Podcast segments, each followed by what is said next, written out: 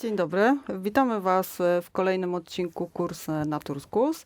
W dzisiejszym odcinku będziemy rozmawiać o komunikacji interpersonalnej, o tym, co się dzieje między ludźmi i skąd się tak naprawdę biorą e, konflikty. E, Naszym dzisiejszym gościem jest Grażyna Teusz. Witam Cię, Grażyno. Bardzo mi miło, dzień dobry. E, Jakbyś mogła kilka słów powiedzieć nam o sobie, czym się zajmujesz i jaki mamy plan na spotkania, bo to nie będzie jedno spotkanie, tylko będzie to cykl spotkań. Jakbyś mogła nakreślić, e, w jaki sposób to będzie przebiegało. E, Chciałabym przede wszystkim e, podzielić się e, z Wami swoim doświadczeniem psychologicznym, terapeutycznym, nie tylko z zakresu komunikacji interpersonalnej, ale także właśnie z zakresu konfliktów i sposobów radzenia sobie z konfliktami. Pokazać też, jakie są ich źródła, jakie są przyczyny, skąd biorą się konflikty i jaki typ osobowości e, tak naprawdę decyduje o e, naszym e, takim bardziej uważnym spojrzeniu co do identyfikacji strategii radzenia sobie z konfliktem. Moje doświadczenia z zakresu organizacji pracy szkoleniowej z firmami, a także mm, z innymi grupami i organizacjami e, właściwie oscylują wokół e, udzielania psychologicznego wsparcia w kryzysie, e, a także innych terapeutycznych aktywności związanych również z pracą z parami, rodzinami. Także dość, powiedziałabym, szerokie spektrum tutaj moich doświadczeń na pewno pozwoli też podzielić się tym, co najważniejsze z dzisiejszej tematyki. Super, świetnie. E, Czyli dobrze to rozumiem, e, wspierasz ludzi w, w sytuacjach kryzysowych, czyli sytuacją taką kryzysową można powiedzieć, że jest konflikt, prawda?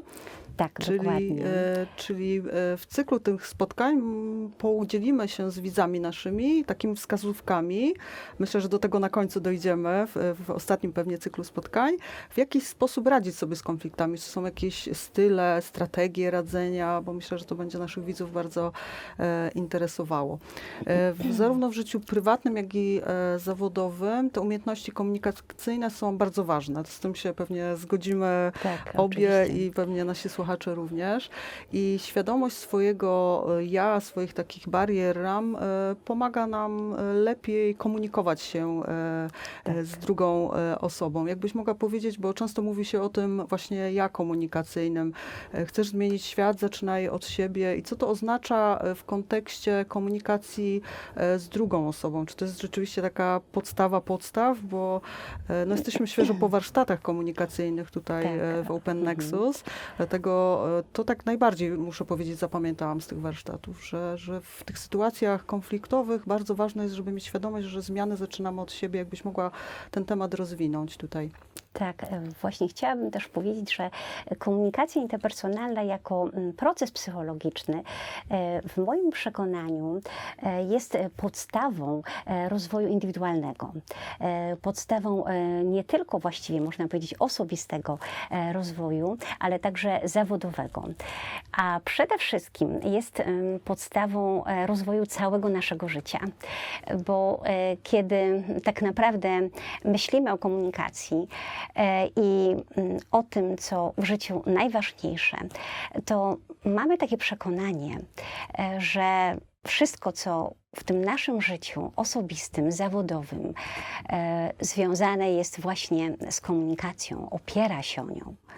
E, Także z kolei, kiedy chcemy myśleć o e, ja jako podmiocie komunikacji, e, to z kolei bardziej koncentrujemy uwagę naszą na osobowość, która jest tutaj, można jednoznacznie powiedzieć, takim trwałym zespołem cech, właściwości, dyspozycji psychicznych, które właśnie decydują w bardzo wysokiej mierze o tym, jak dana osoba e, zachowuje się, e, jak reaguje, mm, o tym też, jakich dokonuje wyborów, e, decyzji. Ale to można to powiązać z typami osobowości, tak? Czyli E, e, często jest tak, że właśnie na przykład melancholik ma problem z dogadaniem się z sangwinikiem, tak? Bo melancholik wszystko planuje, ma Excela, od do, plan, wykonać zadanie, a sangwinik bardziej e, tutaj na spontanie realizuje zadania. Czyli o tym mówi, że zespół różnych cech jest od, u różnych osób Tak. i wtedy trzeba wiedzieć, e, w jaki sposób się z taką osobą komunikować, bo jeżeli tego nie wiemy, no to Tak. wtedy konflikt e, prawda? E, tak. E, chciałabym odnieść się e, do Twojego pytania i e, powiedzieć, że mm, psychologowie e, takie znakomite narzędzie opracowali, które nazywa się takim modelem prostym, uniwersalnym do badania struktury osobowości. I właśnie ten model pozwala nam różnicować różne mm, cechy osobowości, które ujawniają się też właśnie w komunikacji. E, Taką e, propozycją jest właśnie model e, pięcioczynnikowy cech osobowości, gdzie w tym modelu mm, właśnie e, możemy zauważyć, że e, wymieniono następujące e, cechy osobowości, takie jak sangwinik. Wymieniono też takie cechy jak na przykład sytuacja odnosząca się w cesze do e, ugodowości. E, taka cecha, która mm, odnosi się bezpośrednio do ekstrawersji. E, cecha, która bardzo blisko definiuje się e, w takim e, sposobie e, bycia, e, jak właśnie mm, otwartość na doświadczenie e, i jak neurotyczność. Neurotyczność jest właśnie taką cechą, e, która mm, bardzo tutaj mm, pokazuje nam, że e, przy swoim ona wysokim natężeniu e, może właśnie ujawniać e, wiele negatywnych emocji. E, Z kolei, jeśli myślimy o e, ekstrawersji, e, to ta cecha bezpośrednio w komunikacji przy swoim wysokim współczynniku będzie nam pokazywała taką gotowość i otwartość na mm, relacje społeczne, czyli relacje społeczne, potrzeba bycia z innymi, e, staną się tutaj mm, takim obrazem ekstrawersji, e, która też mm, pokazuje, jak e, można funkcjonować z taką silną potrzebą z innymi, kiedy jest się jakoś znacząco wychylonym na bodźce z zewnątrz. A tym samym ta cecha też mm, pokazuje, że mamy taką swoistą elastyczność do bycia z innymi w grupie, e, do właśnie współpracy i współdziałania. E, Ugodowość to będzie e, w tej wielkiej piątce Big Five taką sytuacją do wyobrażenia sobie osób, które bardziej ukierunkowane są na pomaganie innym. I ta ugodowość e, tutaj e, dobrze koresponduje z takim myśleniem o sobie, która ma e, potrzebę bycia dla innych. I jej aktywność i sprawstwo bardziej mm, odnosi się do właśnie takiego bycia w postawie empatii. Czyli czy ja dobrze rozumiem, że w zależności od tego, jakim jesteśmy typem osobowości, to e, częściej lub rzadziej wchodzimy w konflikty?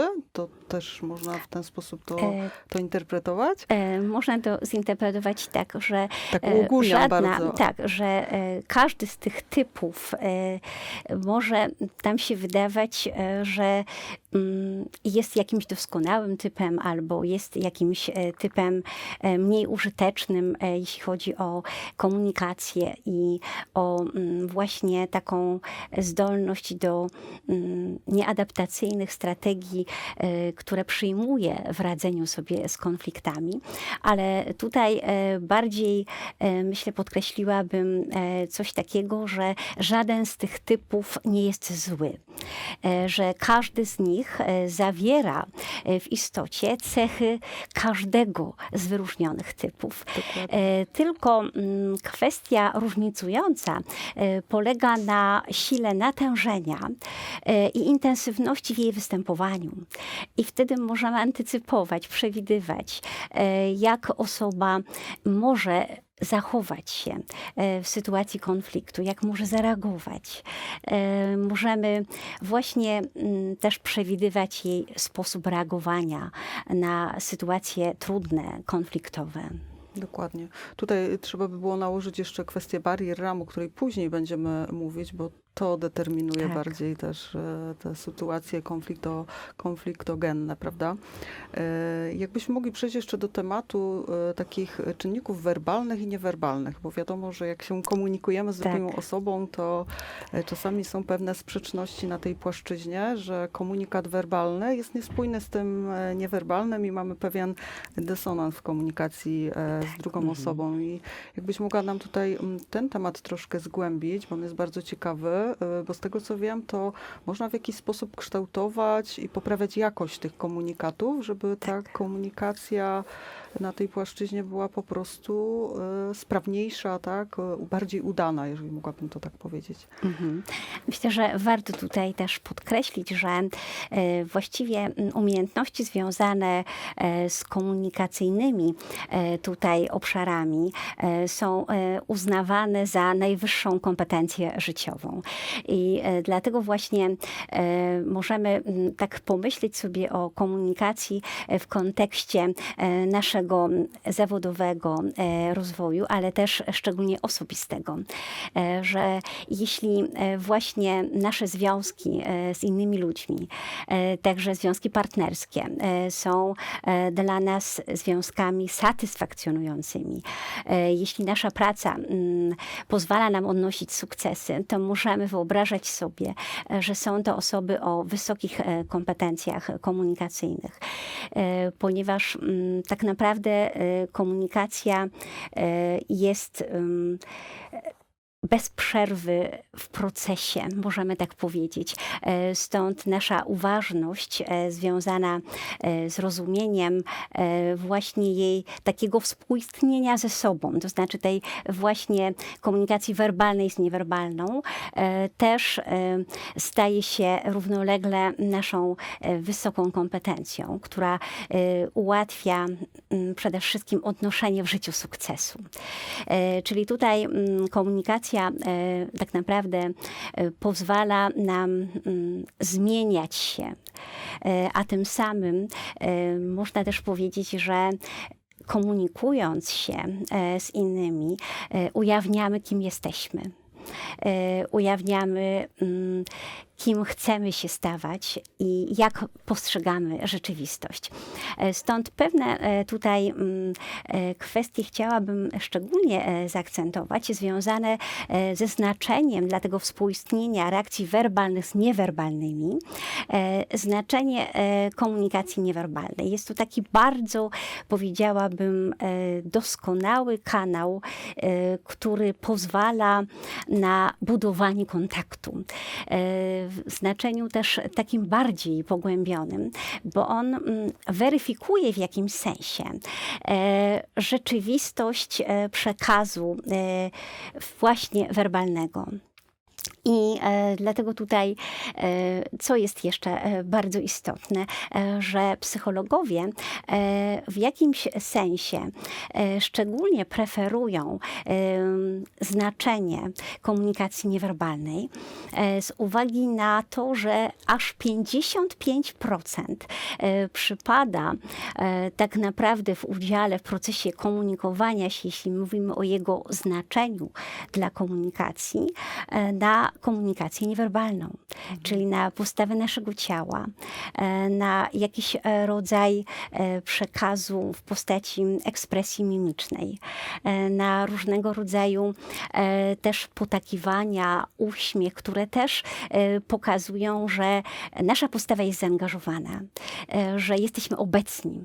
I tym samym A mogłabyś podać dostaje... jakieś przykłady tutaj takiego zaangażowania właśnie tych czynników niewerbalnych, jak na przykład w rozmowie, właśnie czy z partnerem w domu, czy z dzieckiem dać poczucie, że, że właśnie słuchamy, że rozumiemy i tak dalej. E, No, takim dobrym też e, przykładem e, może być właśnie uwrażliwienie na intonację głosu. To znaczy w trakcie analizy komunikacji niewerbalnej i jej znaczenia w procesie komunikowania się.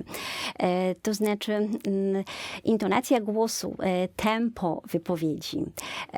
E, Aż, jak mówią psychologowie, w 38% e, ma swoje doniosłe znaczenie e, dla mm, procesu rozwoju komunikacji. A możemy sobie wyobrazić, co może wydać się niewiarygodne, że tylko 7% e, stanowi przekaz werbalny, jeśli chodzi o jego znaczenie dla rozwoju procesu komunikacji i dla pozostawania w kontakcie e, z drugą osobą. Także mm, to przenikanie się e, tutaj e, reakcji werbalnych z niewerbalnymi jest taką naszą tutaj też zdolnością, którą możemy rozwijać, żeby właśnie mm, świadomie angażować się e, w proces komunikacji i pozostawać e, w konstruktywnej komunikacji. To jest e, znaczące. Stąd właśnie można powiedzieć, że e, reakcje werbalne też mają tutaj e, swoją mm, taką dość znamienną rolę, bo one nie tylko e, weryfikują spójność poznawczą i spójność afektywną, ale pozwalają także jak gdyby dopełnić dzięki umiejętnościom komunikacyjnym, takim właśnie elementarnym, jakie tutaj wyróżniamy e, w reakcjach właśnie werbalnych, e, jak na przykład parafrazowanie, które stanowi e, jako reakcja werbalna znakomite narzędzie do tego, żeby pokazać mm, odbiorcy, że jest przez nas słuchany, e, że jest przez nas przyjęty, e, że mm, możemy przez krótkie powtórzenia, które powinny bardziej odnosić się do wiernego zachowania mm, faktów i sensu wypowiedzi, właśnie czynić e, taką sposobność, że parafraza jako narzędzie staje się właśnie jedną ze znaczących tutaj reakcji naszego werbalnego w kontakcie pozostawania. Tak?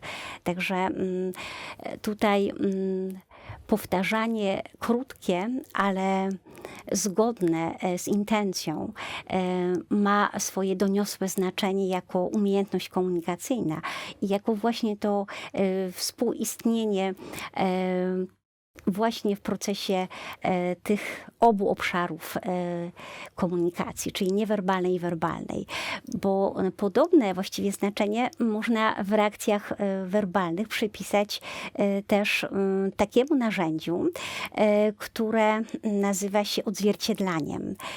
I tutaj na przykład e, też, e, co ciekawe, e, żeby wyeksponować znaczenie tego współistnienia ze sobą, tych reakcji werbalnych i niewerbalnych, to narzędzie, jakim jest odzwierciedlanie, też jest czymś, myślę, znaczącym, ponieważ ma takie mm, istotne cele do spełnienia. W odzwierciedlaniu głównie chodzi o to, żeby odbiorca usłyszał, że my potrafimy z jego wypowiedzi odróżnić e, część e, odnoszącą się do zawartości treściowej i równolegle e, odróżnić warstwę afektywną, czyli zauważyć, że śledzimy tok jego myślenia, rozumowania i że jesteśmy obserwatorami właśnie tych dwóch wypowiedzi symultanicznie. I wtedy co się dzieje z osobą w kontakcie, która ma taką możliwość e, właśnie z tego narzędzia z nami e, korzystać. E, Ta osoba przede wszystkim dokonuje bardziej świadomego rozumienia siebie w tej integracji tych dwóch poziomów komunikacji, czyli tej poznawczej sfery równolegle ze sferą afektywną. Czyli my tutaj stajemy się jak lustro w tej właśnie sytuacji i próbujemy właśnie bardziej uświadomić e, osobie w kontakcie bezpośrednim, e, że jest słuchana, jest rozumiana i może e, swoją narrację, opowieść kontynuować. I to właśnie sprawia e, to narzędzie, jakim jest e, odzwierciedlanie. Mamy też jeszcze inne, mamy takie jak precyzowanie, czyli e, takie narzędzia, które pozwalają nabyć przekonania nam samym, że jeśli pojawia się wątpliwość w rozpoznaniu znaczeń w komunikacji, które płyną z przekazu nadawcy, to możemy dopytać. Możemy pokazać jakiś rodzaj niespójności. Tak, fajnie to działa w Dokładnie. kontaktach też z dziećmi, bo sama też po warsztatach e, testowałam różne z tych właśnie metod, które omawiasz, czy parafrazy, czy odzwierciedlenie, czy doprecyzowanie. Jak się ma nastolatka w domu, to każdy tak, to wtedy wie, można o tak czym... bezpośrednio zauważyć. Tak, tak, tak, o czym e, tutaj mówimy i właśnie niesamowite jest to, jak zmienia się potem komunikacja. Po prostu wydaje się, że nic nie zrobiliśmy, a komunikacja idzie po prostu na inne tory, jest e, bardziej pełna, e, spokojna, tak? I zmienia się też zachowanie e, dziecka czy drugiej osoby, z którą e, Dokładnie. rozmawiamy. Tak. Także to, to są niesamowite narzędzia, które nawiązują też do tego ja komunikacyjnego, o którym mówiliśmy bardzo na początku, że, Tak. że właśnie jesteśmy Tak. w stanie wpłynąć na siebie, na swoją komunikację, poprawić jej jakość testować sobie, jak otoczenie reaguje na to, prawda? Że to się już e, Dokładnie. zmienia. A to jest też możemy, e, tak.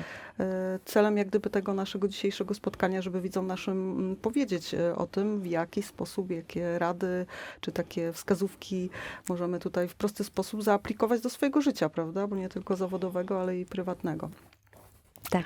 E, Jeszcze właśnie jakby mogła Ciebie dopytać o tą kwestię niewerbalną w kontekście zadawania też pytań doprecyzow- doprecyzowania, bo to zadawanie pytań e, też e, wspominałaś, że- jest bardzo ważną metodą, jedną z najważniejszych i podstawowych Tak. metod Mhm. tutaj w komunikacji i e, ja to też bardzo często stosuję w sprzedaży, zajmując się sprzedażą Tak. na co dzień i wiem, że to jest kluczowe, czyli tak Mhm. zadawać pytania. E, wiadomo, moim celem jest bardziej tu sprzedaż, ale w komunikacji, żeby nie urazić tej drugiej strony, żeby nie Dokładnie, eskalować tak, konfliktów. I czy tu są jakieś drogi, takie dobre wskazówki, e, jak te pytania zadawać, e, żeby było dobrze po prostu w tej Aha, komunikacji? Dokładnie. E, Tak, no z pytaniami to też jest taka, myślę, dobra tutaj refleksja do wyrażenia, ponieważ trzeba sobie też uświadomić cel, z jakiego powodu formułujemy pytania, e, co przyświeca e, tej potrzebie formułowania pytań. E, Ważne jest też uświadomienie sobie rodzajów pytań, jakie mamy w praktyce też psychologicznej, w komunikacji. Mamy mm, rodzaj pytań zamkniętych, które generalnie, jak tutaj psychologowie i praktycy pokazują, nie są to użyteczne pytania, ponieważ one już gdzieś tam w intencji ukrytej e, sugerują rodzaj odpowiedzi. Tak? E, W wyjątkowych przypadkach e, generalnie staramy się je stosować. Jednak mm, przede wszystkim należałoby tutaj zastanowić się nad znaczeniem pytań otwartych. Tutaj sytuacja jest mm, o tyle, myślę, istotna, że musimy zastanowić się, żeby tutaj nie epatować ilością tych pytań. E, Bo to żeby... też y, od, odwrotny Dokładnie. skutek y, będzie, tak? Osoba czuje się atakowana, bombardowana pytaniami, tak? Także to Dokładnie, ponieważ to najczęściej też w sytuacji trudnej, e, konfliktowej e, powoduje wyższy rodzaj napięcia emocjonalnego w odbiorcy, kiedy te pytania zaczynamy mnożyć, tak?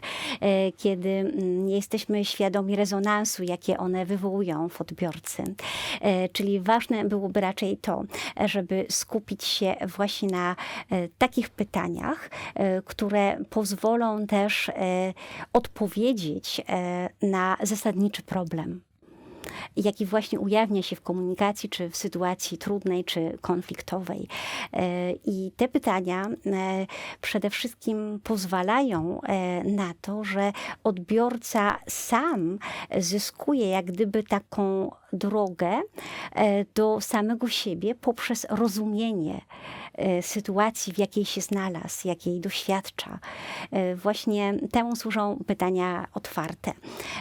To mm, też można zobrazować takim przykładem, kiedy ktoś mm, na przykład chciałby dociec, dlaczego ktoś właśnie tu i teraz rezygnuje z firmy, w której pracuje. I wtedy właśnie w pytaniach możemy tych otwartych dokonać takiej próby do określenia dla niego samego, jaki rzeczywisty powód stoi za taką decyzją. To gdybyśmy tutaj sformułowali pytania w oparciu o dlaczego dlaczego decydujesz się, to niewątpliwie nie byłaby to użyteczna strategia w formułowaniu pytań. Bo rodzi już taką negatywną emocję, tak? Tak, znaczy też Pytanie mogłaby dlaczego? wzbudzić jakąś emocję, czy też jakiś rodzaj e, reakcji obronnej, ale bardziej chodzi o to, że w tym momencie e, kogoś jak gdyby inspirujemy wyłącznie do e, poszukiwań e, tego doświadczenia, tej decyzji e, w aspekcie przyczynowo-skutkowych argumentów i e, nie jak gdyby umożliwiamy osobie w takiej sytuacji dotarcia do jej pierwotnych e, myśli, uczuć e, związanych właśnie z taką decyzją. Czyli pytanie, co wywołało w tobie taki moment w życiu, czy jakiś rodzaj doświadczeń, czy chciałbyś o tym opowiedzieć na przykład, stanowiłoby niewątpliwie e, taką silniejszą inspirację, e, żeby nie koncentrować się tylko na takim klasycznym wyjaśnianiu tak, tylko właśnie na e, sposobach, które perspektywę tego spojrzenia e, przez e, pytania co i jak zamiast dlaczego pogłębiały w odbiorcy. Dobrze, czyli pytania otwarte, niezamknięte i takie dające przestrzeń do, do swobodnej wypowie wypowiedzi, tak jakbym mogła tutaj krótko podsumować, tak? tak. Sparafrazować jak gdyby Tak, żeby właśnie wypowiedź. Tak, żeby te narzędzia e, tutaj, o których wspomniałam, jako reakcje werbalne, e, były, so, były z sobą w takiej stałej koniunkcji, e, w stałym porozumieniu, żeby one się przenikały, e, to wtedy też e, mamy szansę e, przyczynić się do zrozumienia rzeczywistego problemu, o Mhm. którym komunikuje odbiorca, czy też do zrozumienia sytuacji, w której się znalazł.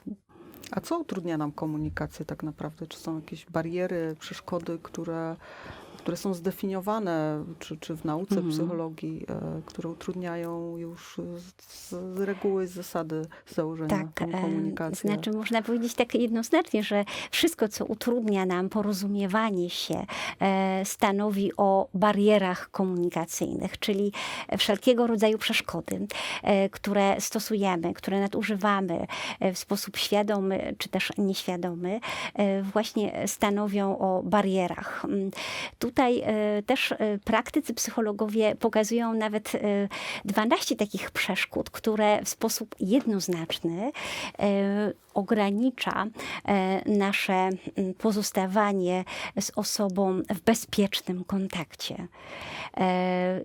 To są e, przede wszystkim e, takie sytuacje, które my obserwujemy w oparciu o manifestowanie jakiegoś rodzaju negatywnych emocji. E, Że ta bariera gdzieś tutaj właśnie zaistniała. Jakie to są negatywne emocje, które są równolegle właśnie barierami komunikacyjnymi? Tutaj wyobraźmy sobie, że jest to opór. To jest jedna z barier, na przykład spadek motywacji. Jedną z barier jest także e, na przykład poczucie mm, niskiej e, wartości, poczucie mm, braku sprawstwa, braku e, takiego zainteresowania i zaangażowania, złość i agresja. Też są takim odzwierciedleniem tego, że osoba w bezpośrednim z nami kontakcie e, doświadcza barier komunikacyjnych. E, Te bariery e, występują z uwagi na różne czynniki.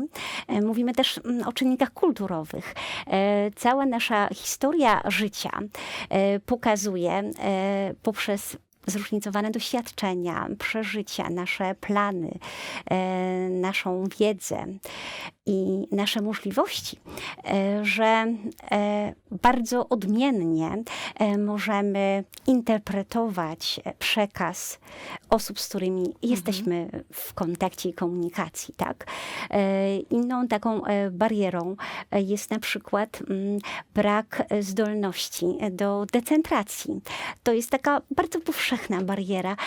W ogóle żyjemy w takich czasach e, takiego przynaglenia do sukcesu, do rozwoju, e, że właśnie brak tej zdolności do decentracji pokazuje, że w tej kulturze także jest nam bardzo trudno e, dostosować się do innych.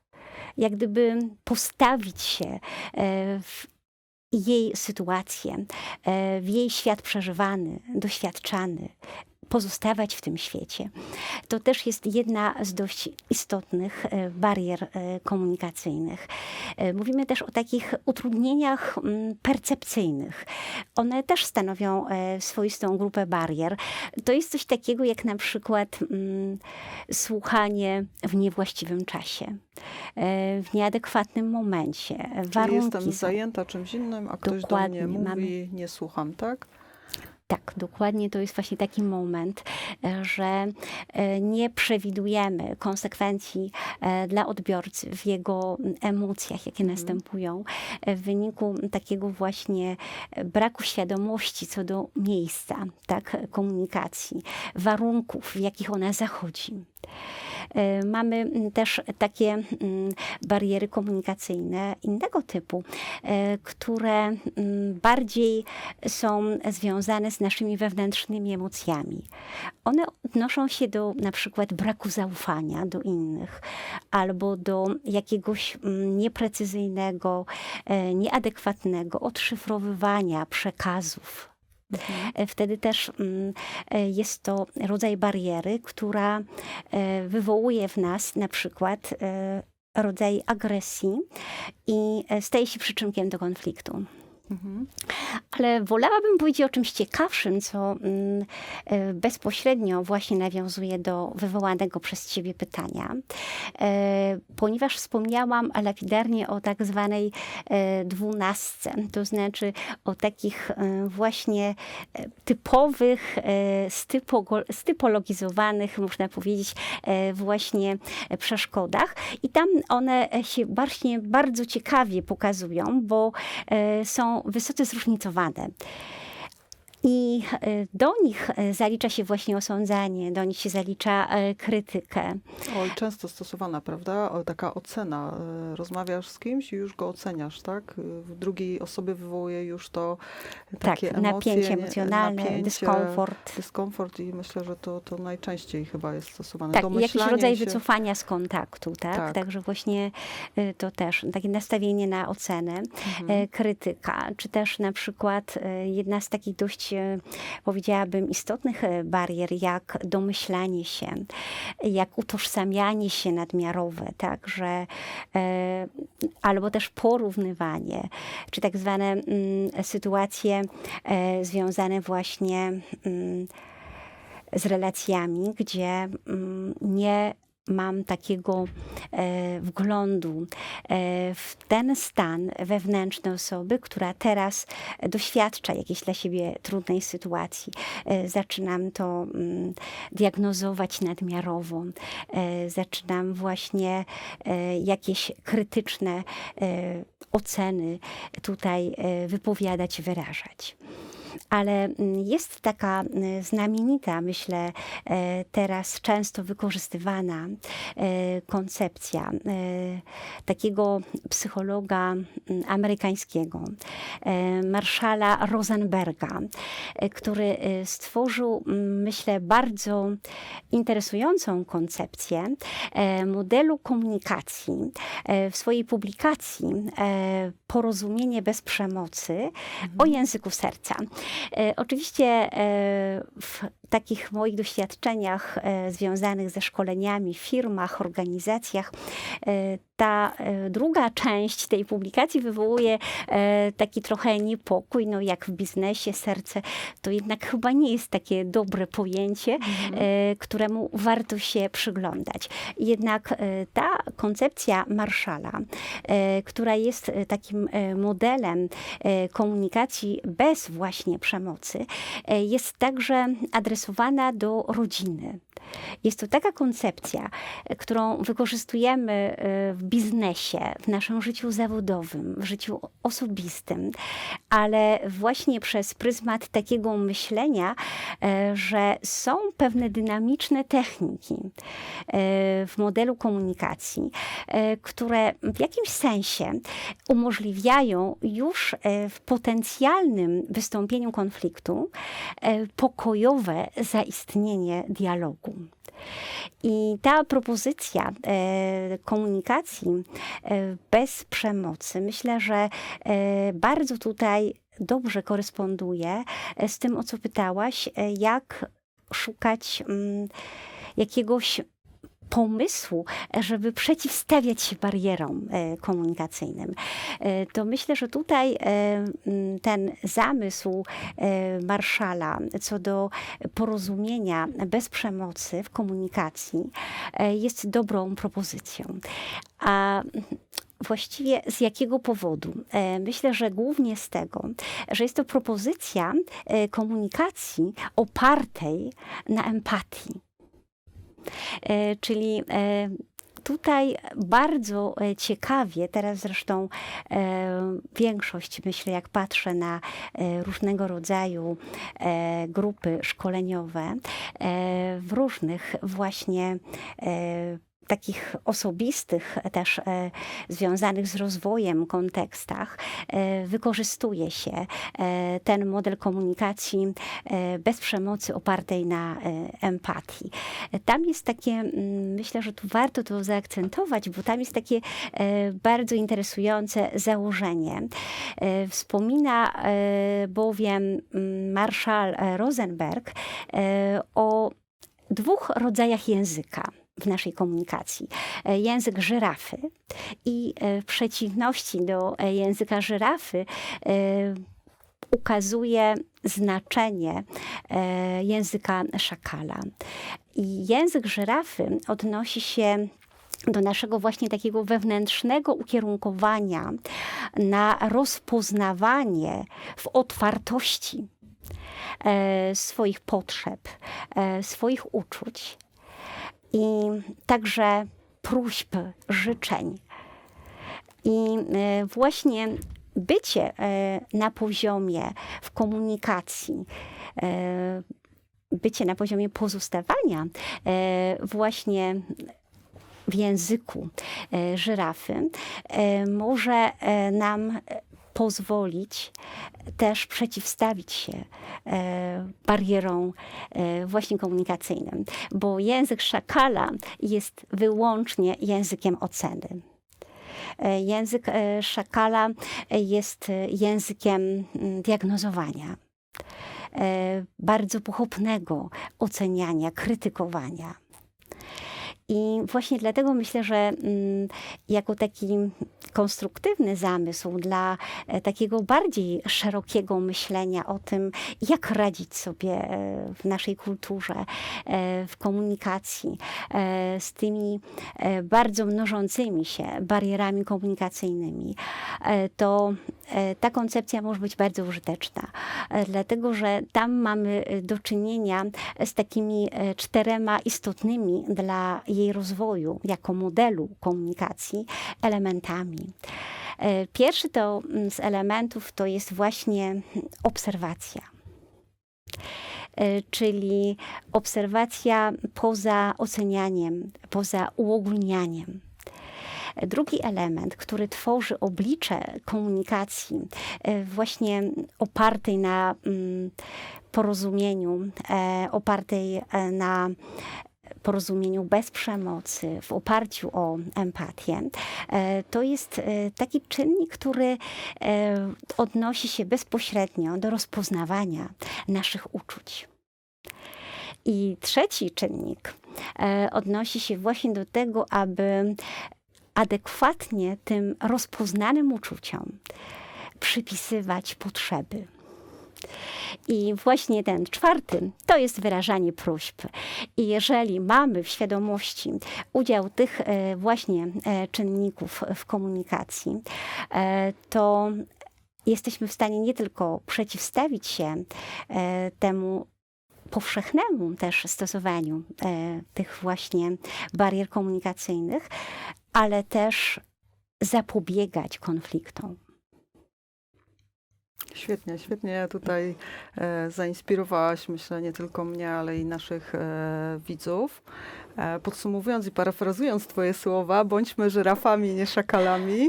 Pięknie, tak. E, także dziękuję Tobie bardzo, Grażynko, za pierwsze mm, Bardzo spotkanie. dziękuję. E, W kolejnym e, odcinku będziemy mówić w, o tym, e, o czym na początku mówiła Grażynka, czyli o typach osobowości i w jaki sposób e, typy osobowości wpływają też na powstawanie konfliktów czy radzenie sobie z konfliktami. To jest bardzo ciekawy temat i tutaj wspólnie zdecydowałyśmy, że poświęcimy temu jeden cały e, odcinek. Także e, to o tym będziemy mówić w kolejnym odcinku, a w trzecim e, powiemy sobie już o genezie, o, o samym pojęciu konfliktu, czym jest konflikt, jak się ujawnia konflikt, czy są jakieś style, strategie radzenia z konfliktami i czym jest sztuka aktywnego słuchania, bo to też jest bardzo szeroki i Tak. niezwykle e, ciekawy e, temat. Także e, tym miłym akcentem kończymy. Dziękujemy Wam Dziękujemy bardzo pięknie. i do Dziękuję bardzo. zobaczenia i do usłyszenia. Dziękuję, do zobaczenia, do usłyszenia.